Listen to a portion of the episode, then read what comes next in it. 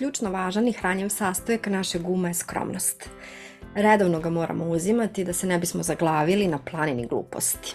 To su reči mog omiljenog organizacijnog psihologa Adama Granta i ja danas biram da ovu temu produbim zajedno sa vama. Moj podcast slušaju žene koje nisu preduzetnice i mislim da je ova epizoda važna za sve nas, bili mi samostalni igrači na tržištu ili zaposleni u nekom sistemu, u nekoj firmi, potpuno nebitno, zato što ćemo da pričamo o skromnosti i poniznosti, o vrlinama koje su više nego ikada suprotnost duhu vremena u kojem danas živimo. I inspiraciju za ovu epizodu dobila sam od divne Sonje Dakić, sa njom sam putovala skoro u Poljsku i onda kad smo se vraćali ja sam se nešto dotakla ove teme. Malo smo je produbile i ona mi je rekla pa ti moraš da snimiš jednu epizodu na ovu temu. Tako da to i radim, a vi slušate jesenji serijal kratkih epizoda i ovu današnju, hajde da kažem prvu u nizu, posvećujem svima vama koji ste ikada pomislili da skromnost znači biti mali, biti neprimetan i ne tražiti više od onoga što imamo. Dobrodošla u novu podcast epizodu i odmah na početku želim da kažem hvala ti što si tu. Pre par godina sam bila na jednoj većoj edukaciji i gajim izrazito poštovanje prema treneru i autoru ove edukacije, ali na jednom od predavanja je rečeno kako je skromnost vrlina onih koji nemaju šta da daju.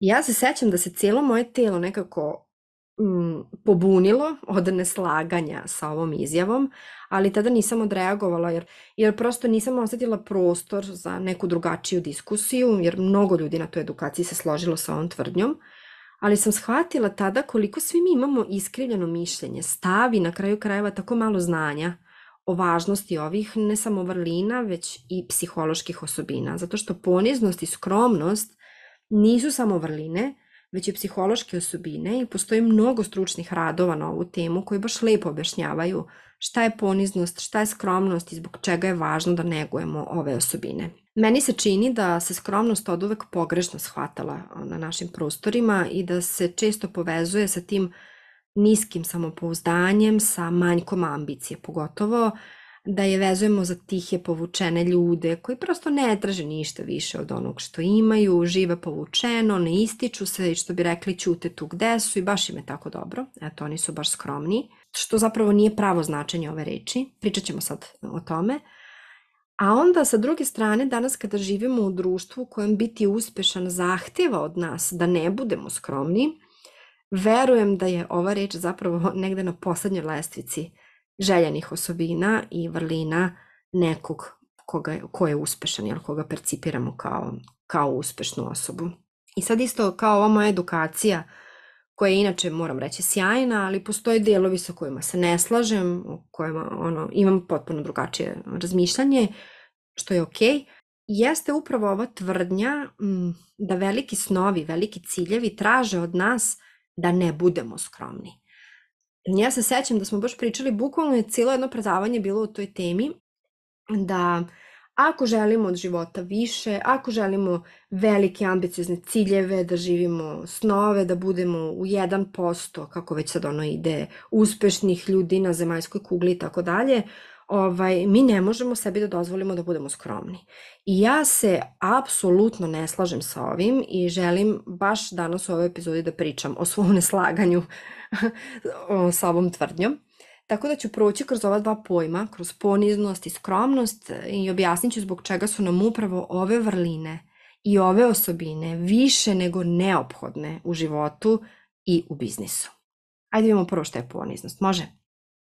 Sad tamo negde u literaturi definisana je kao uh, stav duhovne skromnosti koja proizilazi iz razumevanja našeg mesta u ovom svetu, da ne kažem u ovom kosmičkom sistemu, ali redko kad ćemo čuti jeli, da nekog opisujemo kao divnu i poniznu osobu, obično kažemo divna i skromna osoba, jel, kao, a baš je skroman, baš je skromna, jel?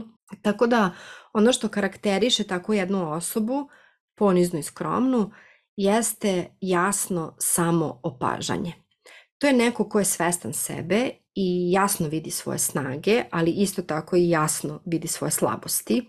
Ne iskrivljuje tu sliku o sebi kako bi je prividno popravio i u tuđim očima izgledao drugačije, što zapravo znači da nema potrebu sebe da predstavlja boljim nego što jeste. Ali ovde moramo biti uh, oprezni. Znači, nema potrebu da sebe predstavlja boljim nego što jeste, što ne znači da nema potrebu da sebe unapređuje, razvija i tako dalje? Znači, to su dve različite stvari. Takođe, kada je neko ponizan, to ne znači da sebe i svoje postignuća ne ističe, baš naprotiv. Ističe ih, vrlo jasno pokazuje postignuće i ponos i zadovoljstvo time jeli, što je postigao, ali stavlja u to jednu zdravu, ajde da kažem pravu perspektivu. I meni lično, ovo je moj lični stav, jeli, ali najlepša misa o poniznosti jeste ona koja kaže da je to naš svakodnevni izbor da odamo priznanje Bogu za naše blagoslove, a drugim ljudima za naš uspeh, priznavajući sobstveni trud, zalaganje i rad kojim taj uspeh i sami stvaramo. Jer prosto ne možemo samo odati priznanje drugim ljudima za naš uspeh, jer i mi učestvujemo u stvaranju tog uspeha, jel? Jedan od latinskih reči, a, korena reči zapravo za poniznost, a, jeste sa zemlje. Znači, bu, bukvalno u tom prevodu znači sa zemlje ili ti onaj koji zemljom hoda, a zapravo ukazuje nam jasno na to da smo ovozemaljski, odnosno da nismo nepogrešivi i da nismo savršeni.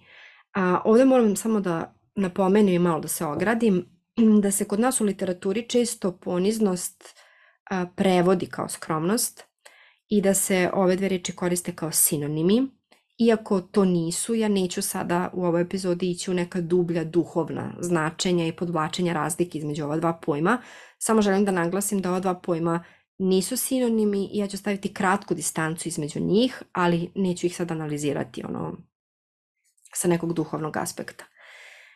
Zvuk, mislim da sam zvuk reči skroman i sam zvuk reči ponizan kod ljudi često izaziva sliku jedne slabe, pasivne, male osobe, nekog ko je tako, eto, jadan, um, kome nedostaje samopoštovanje, kome nedostaje ambicije u životu, ko nema baš visoko samopouzdanje, a zapravo sve je suprotno od, od toga. Poniznost je naš unutrašnji stav prema vrednovanju samog sebe, a skromnost je način na koji to izražavamo i predstavljamo drugima. Poniznost uključuje i poučljivost. To je onaj e, način razmišljanja koji prihvata samo ispravljanje i samo poboljšanje. I takođe, ovde bih naglasila da to nikako ne znači da nećemo prihvatiti zasluge i priznanja za svoje postignuća, kao što sam rekla, da nećemo biti ponosni na uspehe, na postignute rezultate. Ne, to znači da smo mi sposobni da vidimo svet onaka kakav jeste i da shvatimo svoje mesto u njemu, kao i te svoje uspehe i te svoje postignute rezultate. Skromnost nije slabost, niti je to mana, niti je pokornost i ovo mi je baš važno da kažem, zato što skromnost je upravo taj osjećaj povezanosti sa svetom i sa drugim ljudima. Drugim rečima, skromnost nas um, uravnotežuje. Znači, nikako a, ne znači da mi obezvređujemo vlastite talente, darove, sposobnosti, veštine, snage koje posjedujemo, baš naprotiv. On pravi jednu divnu ravnotežu između ajde u stvari ovako da kažem, ovako mi je lepše. Skromnost je ravnoteža koja ne poriče naše snage, ali ni ne laže o sobstvenim slabostima. I kada smo skromni, to zapravo znači da razumemo svoje snage i slabosti i da prihvatamo svoje nesavršenosti. Kada to uspemo, tada prestajemo da trošimo energiju skrivajući svoje slabosti i nesavršenosti od drugih. U jednoj knjizi sam davno pročitala, mislim da je bio neki košarkaški trener, često se u tim knjigama za, za leadership, coaching i tako dalje prožimaju analogije iz sporta I čini mi se da bio kao neki košarkaški trener koji svojim igračima često ponavljao a, sledeće reči. Talenat nam je Bogom dan, budimo ponizni. Slavu nam daruje čovek, budimo zahvalni. Uobraženost i nadmenost je samo dana, budimo oprezni. I zapravo ono što i ja želim ovim rečima jer kopirala sam njegove reči, jel? ali ono što želim da poručim ovim njegovim rečima jeste da zapravo poniznost deluje kao protiv otrov toj nadmenosti i uobraženosti, arogantnosti, jeli, koje dolazi iz priznanja, iz slave i tako dalje. I da je okej okay, da se to desi, ali nije okej okay da tako i ostane. I nama skromnost i poniznost e, su potrebne da bismo se vratili na ta, pod znacima navodnika, fabrička podešavanja.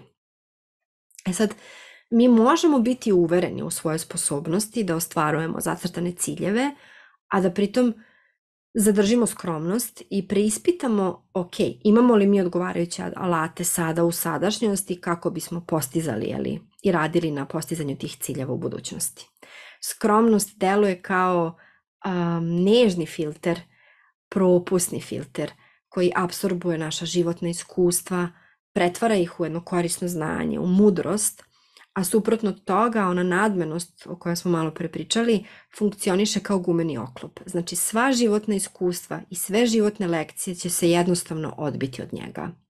I o čemu Adam Grant govori u svom radu jeste da ono do čega želimo da dođemo je zapravo samopouzdana skromnost. To je tačka u kojoj imamo veru u svoje sposobnosti, ali i svesnost da možda nemamo odgovarajuće rešenja, pa čak i da možda nismo usmereni na pravi problem, um, da treba da se preispitamo, a ne da slepo hrlimo sa stavom da mi sve znamo, da smo mi u pravu, da je tako kako mi kažemo i da je to to.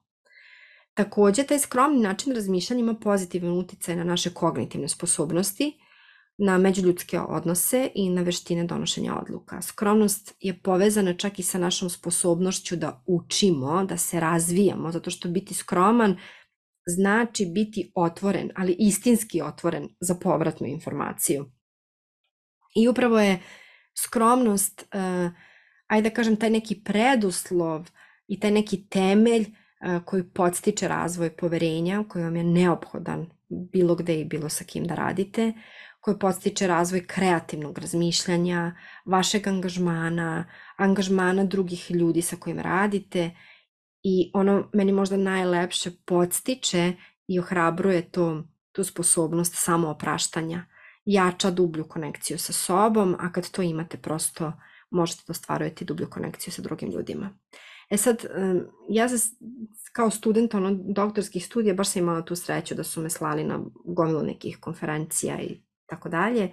I ja se sećam jedne konferencije, u stvari to je bio neki trening više, kao neki leadership trening, um, gde je bio jedan stariji trener tu, jedan divan čovek, vrlo skroman, a, i da je pričao zapravo um, o skromnosti kao ključnom elementu dobrog leadershipa.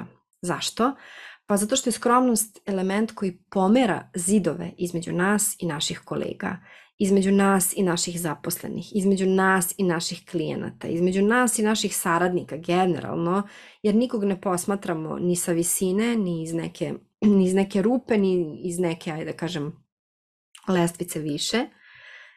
Sa druge strane, zato što kada smo skromni, tada smo otvoreni da razmotrimo tačke gledišta koje nisu nužno naše i ne dozvoljavamo, um, to jest dozvolit ćemo ljudima da nam prošire perspektivu. Um, zašto je to važno? Zato što kada živimo u balonu istomišljenika i stalno tragamo sa ljudima koji se izrazito slažu sa našim stavom, našim mišljenjem i tako dalje, to vam je bukvalno ravno nekom zatočeništvu. Mi ne dozvoljavamo sami sebi da rastemo i da se razvijamo. Takođe, osnov svake saradnje, posebno neuspešne saradnje, može biti upravo u poniznosti i u skromnosti. I na kraju, ono što bi i naš akademik, ili Vladeta Jerotić, govorio, skromnost je vrlina koja čoveka štiti od izolovanosti. I nedavno sam pričala sa jednom svojom klijentkinjom baš isto na ovu temu i sećam se tog razgovora da, da, da smo govorili pa da, mi, mi jesmo subjekat u našem svetu, jeli, ali moramo imati na umu da nismo objekat u tuđem svetu i da niko od nas nije centar ovog svemira, ovog univerzuma, jel? I zapravo sa, nekako sa ovom uh, um, sa ovim stavom i, i želim da povežem to kakve veze ta skromnost, ta poniznost ima sa tobom i tvojim biznisom. Izdvojit ću nekoliko važnih stvari kada pričamo uopšte o vlasnicima malog biznisa, o preduzetnicima, o liderima u kompaniji, nebitno je, jeli? Ali o ljudima koji u sebi nose određenu dozu poniznosti i skromnosti. Ti ljudi imaju samopouzdanje, ali i dalje ga grade, zato što im je jasno da imamo onoliko samopouzdanja koliko imamo i oblasti a, u životu u, i u biznisu. Prosto nemamo u svakom segmentu našeg života i u svakoj oblasti našeg biznisa istu količinu samopouzdanja. Takođe, ti ljudi imaju osjećaj zadovoljstva, znači da sam zadovoljna sama sa sobom, ne osjećaju potrebu da privlače neku dodatnu pažnju na sebe, na svoj status, već dopuštaju da njihov rad, da njihov posao govori u njihovo ime. Znači njihova poslovna etika, filozofija njihovog poslovanja, odnos koji imaju sa svojim klijentima, odnos koji imaju sa svojim saradnicima. Evo sad mi je došla jedna misla, hoću ovdje da, da podelim, to se sad nedavno prožima između, kao tema između mene i jedne moje klijentkinje, a to je taj, ajde da kažemo, pojam delegiranja, kao delegire da bi ti imala više vremena, delegire, snimit ću jednu podcast epizodu baš na ovu temu, ali uglavnom da delegiramo drugim ljudima da bismo mi nam oslobodili vreme i tako dalje. I ja sad ovde moram da dodam jednu komponentu iz te pozicije skromnosti i poniznosti. Delegirati drugim ljudima da bismo oslobodili nama vreme, pošto je naše vreme novac i tako dalje. Znači to je onaj motiva, biznis motivacijono govorništvo što propagiram i nema ništa pogrešno u tome ali postoji druga perspektiva koja kaže da mi delegiramo drugim ljudima zato što želimo i da drugi ljudi rastu i razvijaju se kroz ono što im mi dajemo da rade. Znači, to je mogućnost za druge ljude da uče, da se pomeraju, da se razvijaju, da napreduju. I sad, meni je ta misao toliko divna zato što s jedne strane da, ja ću sad moje Nataši delegirati ovaj podcast da ga sredi, da bi vama bio on prijetan za slušanje, A sa druge strane, ja imam tu neku percepciju u svojoj glavi da je to divan način gde Nataša sada vežba neke nove tamo aplikacije, neke nove sposobnosti, neke nove... Shvatate koliko je ono, to je nekako jedan novčić sa dva, sa, sa dva lica, ali oba su pozitivna. Meni će osloboditi vreme, vama će biti kvalitetno i lepo i prijatno za slušanje, a Nataša usavršava svoje neke sposobnosti, neke veštine kao content editor, podcast editor ili tako dalje. Tako da, sad sam malo skrenula sa teme, ali hoću da kažem, uh, dozvoliti da vaš rad i da vaša poslovna filozofija i odnos koji imate sa drugim ljudima, bilo da su to vaši klijenti, saradnici, zaposleni i tako dalje, jesu zapravo svedoci i pokazatelji vaše skromnosti i poniznosti. Takođe, ljudi koji imaju u sebi dozu te e, skromnosti imaju sposobnost samoprocenjivanja i samoevaluacije. Znači, otvoreni su za kritiku, pod uslovom da znamo da udelimo konstruktivnu kritiku, ovde moram da se ogradim, ali to je neka druga tema. Uživaju u rastu, u razvoju, u postignuću drugih ljudi. Sad opet, opet ovde sad, e, opet ću da ovaj, spomenem moju Natašu, ali da, kada drugi ljudi rastu, znači ljudi sa kojima vi radite, kada oni postižu, kada se oni razvijaju, kada a, oni nekako pokazuju a, velike rezultate i uspešnost, vi, vi znate da to nije pretnja vašem uspehu, jer uspeha ima dovoljno za sve. Tako da, ljudi koji su skromni ponizni, oni uživaju, nebitno je da li je to moj uspeh ili je to uspeh neke moje klijentkinje, nekog mog tima ili kako god. Ali uspeh je da se deli, da se zajedno radujemo jeli, ovaj, takvim postignućima. Takođe, ovo mi je važno da zapamtite, skromnost i poniznost, kogod da nosi tu dozu a, u sebi, ne misli o sebi loše. Znači, takvi ljudi ne igraju na sitno, ne dozvoljavaju sebi a, da im se slika o sebi promeni kada oni pogreše. Znači, dozvoliti sebi da pogrešite, kada pogrešite, priznate svoju grešku, ok, potržite rešenje i nastavite dalje sa novim znanjem i novim iskustvom, a da to ne remeti vaš stav i sliku koju imate o sebi. I možda negde moja najdraža misao jeste da dozvolimo sebi život da živimo život, hajde tako da kažem, da živimo život u kojem ostavljamo prostor i kojem ostavljamo mogućnost da od svakoga nešto naučimo. To je takođe odraz ljudi koji u sebi nose dozu skromnosti i poniznosti. I za kraj, evo, upakovat ću ovu epizodu u par kratkih jednostavnih rečenica. Prvo želim da kažem da malo ko vidi šta mi zaista jesmo, ali svako vidi kako izgledamo, jel? I bez obzira na to, moramo znati i moramo verovati da niko od nas nije izuzet od krhkog ljudskog stanja. Šta god da mi vidimo kod drugih ljudi, da je ovakav, da je uspešan ovako, onako, ima ovo, nema ono, nije ni bitno je sad da ne idemo u neku dubiozu, niko od nas nije izuzet od krhkog ljudskog stanja. To je prva stvar. Druga stvar, u vreme pandemije pokazalo se da je jedna ključna veština najboljih lidera u jednom istraživanju koje se radilo globalno zapravo bila iznenađenje za sve nas, a to je skromnost. Ljudi su pokazali da bez obzira na svoje pozicije, na svoje titule, na postignuće, nisu sveznalice i da je skromnost uvek izraz solidarnosti i zahvalnosti. I treće, znate i sami, kada se vratimo malo u školsku klupu i tamo nekada smo učili istoriju, ali da ne poznati uh, trio istinski skromnih ljudi uh, kroz istoriju, to su Gandhi, Nelson Mandela i Majka Tereza, i oni su herojski posvetili svoju energiju, svoje vreme služenju poboljšanju životnih uslova a, drugih ljudi i da ih je odlikovala upravo onako naj, najvažnija, najsvetija osobina, a to je poniznost i skromnost.